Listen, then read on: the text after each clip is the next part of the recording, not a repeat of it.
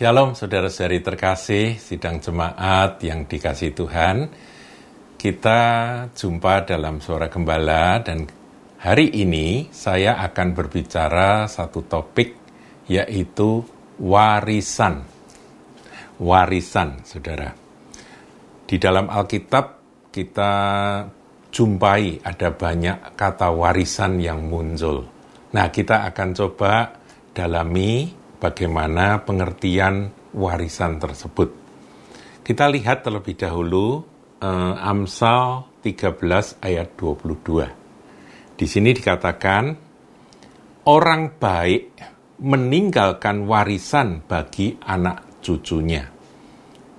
Jadi kalau orang baik itu pasti dia ketika dia pergi selesai dengan tugas di bumi meninggal bagi anak cucu, bagi keturunannya, dia meninggalkan warisan, saudara.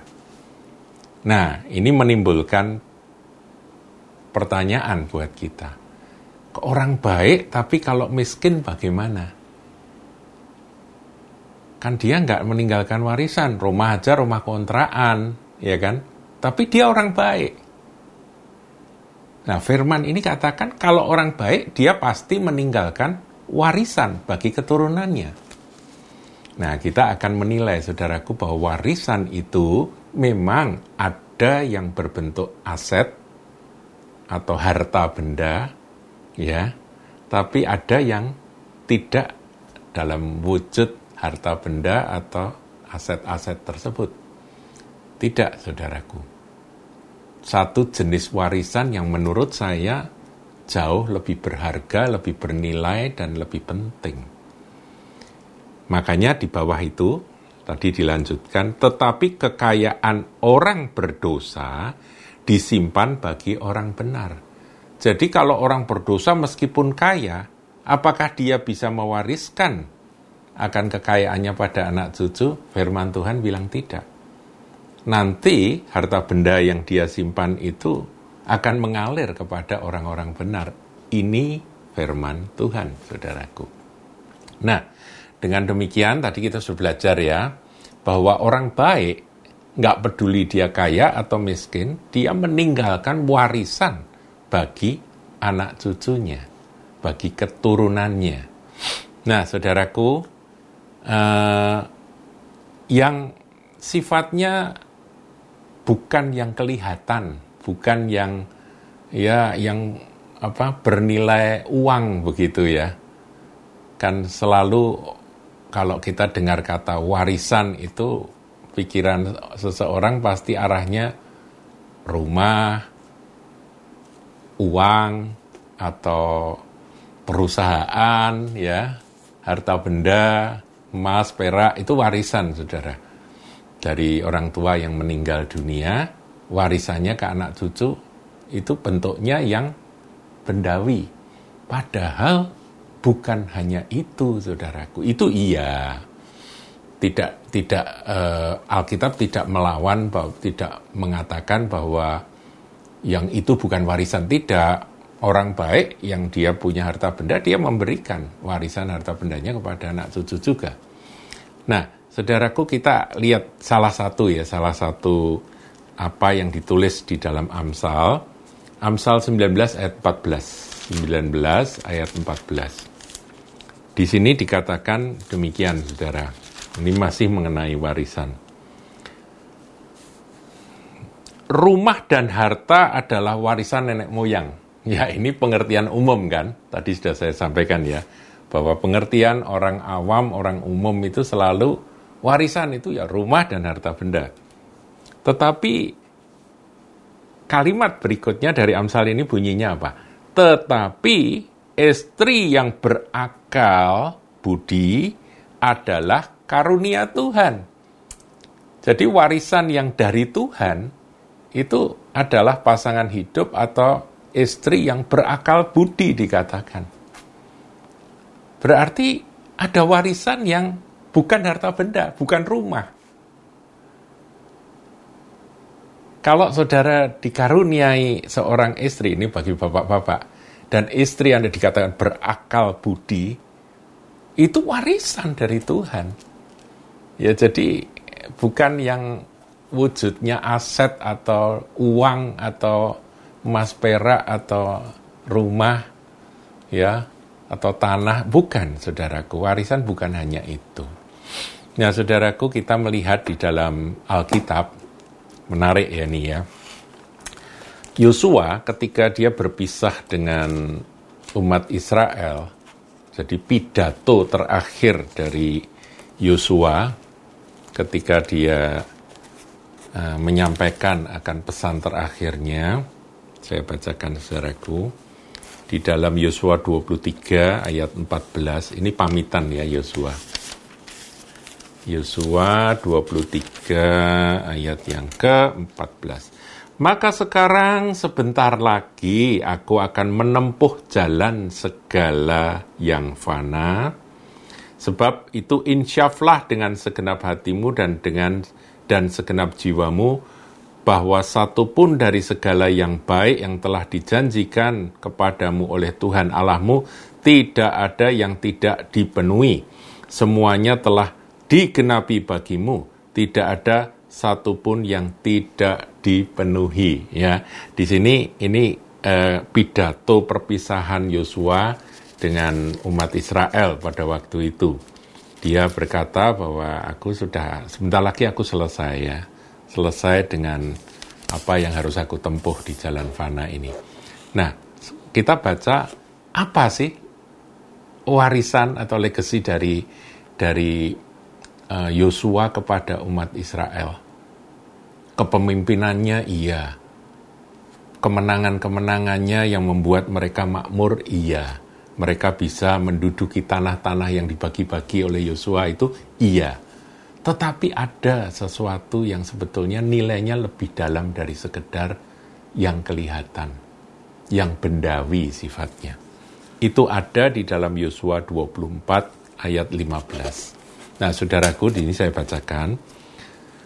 Tetapi jika kamu anggap tidak baik untuk beribadah kepada Tuhan, Tuhan T-U-H-N, YHWH, saudaraku Pilihlah pada hari ini kepada siapa kamu akan beribadah.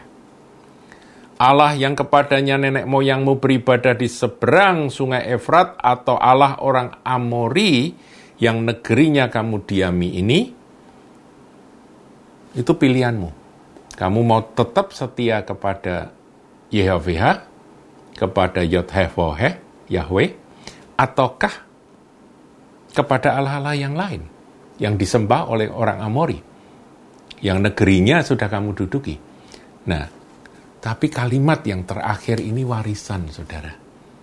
Kata-kata ini terkenal sekali. Yosua berkata, tetapi aku dan seisi rumahku, kami akan beribadah kepada Tuhan. Terjemahan lain beribadah itu akan melayani Tuhan. Jadi kita nih mengenal Tuhan yang benar sebagai orang yang telah diselamatkan oleh korban Yesus Kristus Tuhan. Yesus itulah Tuhan yang benar bagi kita. Dan warisan apa yang kita bisa berikan kepada anak-anak? Saudaraku, saya sedih sekali kalau ada orang tua yang sukses di dalam bisnis, memberikan pendidikan yang baik kepada anak-anaknya itu semua oke. Tetapi anak-anaknya kehilangan iman yang dimiliki oleh orang tuanya. Itu warisan yang gagal menurut saya.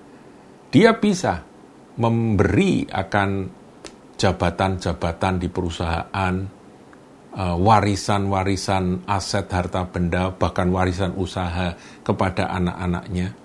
Tetapi ketika anak-anak itu kehilangan Tuhan Yesus Kristus, maka dia gagal di dalam memberikan warisan kepada anak cucunya. Itulah Yosua. Dia berkata, kamu silakan, tetapi aku dan keluargaku, seisi rumahku, aku akan tetap melayani Tuhan. Nah, sekarang kita lihat Samuel, saudaraku. Ketika Samuel uh, ini apa minta diri kepada umat Israel dia sudah lanjut usia orang Israel umat Tuhan itu minta supaya ada raja di antara mereka dan itu uh, membuat Samuel kesal hatinya. Dia berdoa tapi Tuhan berkata yang ditolak bukan kamu tapi aku kata Tuhan. Nah kemudian akhirnya ada Saul ya yang dipilih yang diurapi Tuhan. Nah kemudian setelah Saul jadi raja uh, Samuel mohon diri kepada bangsa itu. Itu ada di dalam 1 Samuel 12 Saudaraku, kesaksian atau kata-kata dari Samuel ini warisan. Warisan dia sebagai pemimpin, sebagai hakim yang terakhir dari umat Israel, zaman hakim-hakim itu ditutup dengan Samuel sebagai hakim yang terakhir. Dia katakan begini, ayat 3 ya, 1 Samuel 12 ayat 3. Di sini aku berdiri, berikanlah kesaksian menentang aku di hadapan Tuhan dan di hadapan orang yang diurapinya. Lembu siapakah yang telah kuambil? Keledai siapakah yang telah kuambil? Siapakah yang telah kuperas? Sebagai seorang pemimpin, dia punya otoritas, dia punya wewenang. Pemimpin yang lalim, dia memeras akan rakyatnya, saudaraku siapakah yang telah kuperlakukan dengan kekerasan?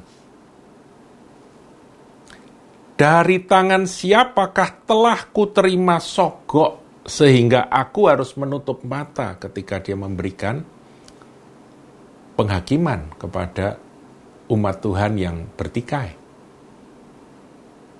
Dia tidak terima suap, saudara. Aku akan mengembalikannya kepadamu kalau ada.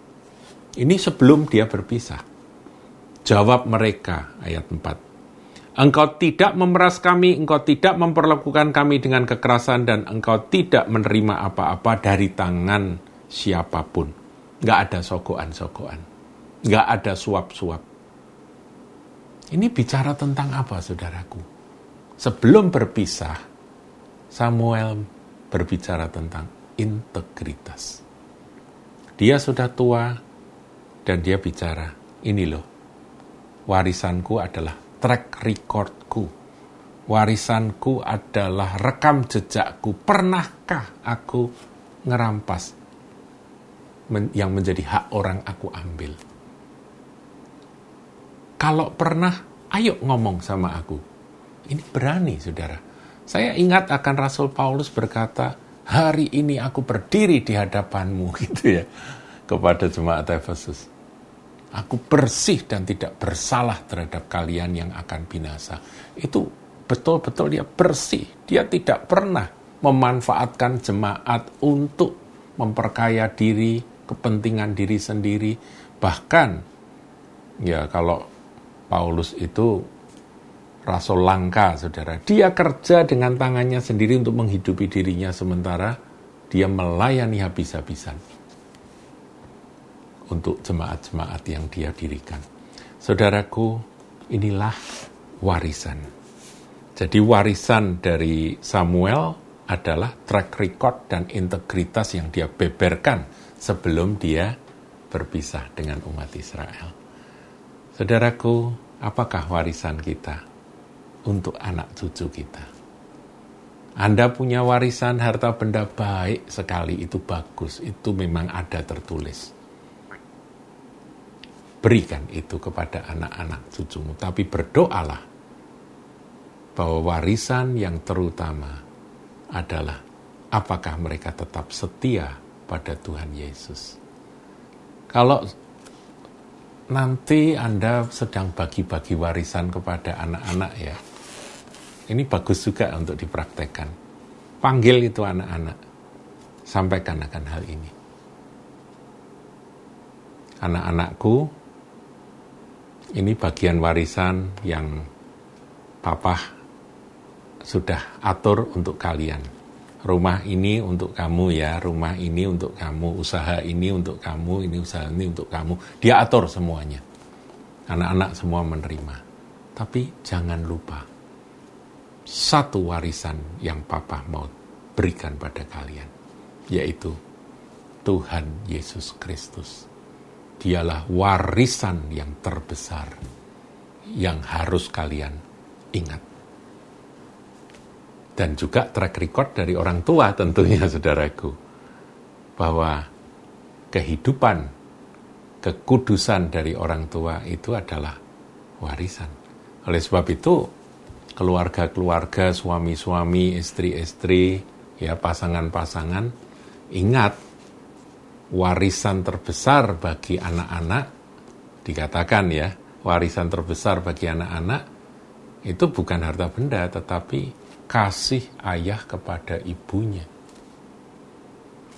Ayah yang mengasihi, menyayangi ibunya itu warisan terbesar bagi anak-anak yang bertumbuh di dalam keluarga itu.